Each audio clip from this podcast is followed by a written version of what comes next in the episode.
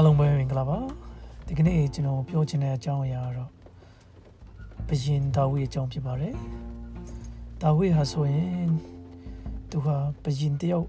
ဖြစ်ရုံမကသူဟာစာရေးဆရာလည်းဟုတ်တယ် praise and worship ဆရာလည်းဟုတ်တယ်ပြီးလို့ရှိရင်သူဟာခေါင်းဆောင်လည်းဖြစ်တယ်ပြီးရင် Israel စစ်တပ်ကိုတလုံးတော့တယ် တစုတစည်းသေးဖြစ်အောင်လုပ်လိုက်တဲ့ဘယင်လည်းဟုတ်တယ်။ပြင်သူဟာအတွေ့အခေါ်ပညာရှင်လည်းဟုတ်တယ်။ဆိုတဲ့အကြောင်းကိုကျွန်တော်တို့တွေ့ရပါတယ်။များတော့ဖြစ်ကျွန်တော်တို့စံစာမှာအပေါ်ရန်လေးဖတ်ချင်အဖြစ်တော့တာဝေးဟာဘယင်တယောက်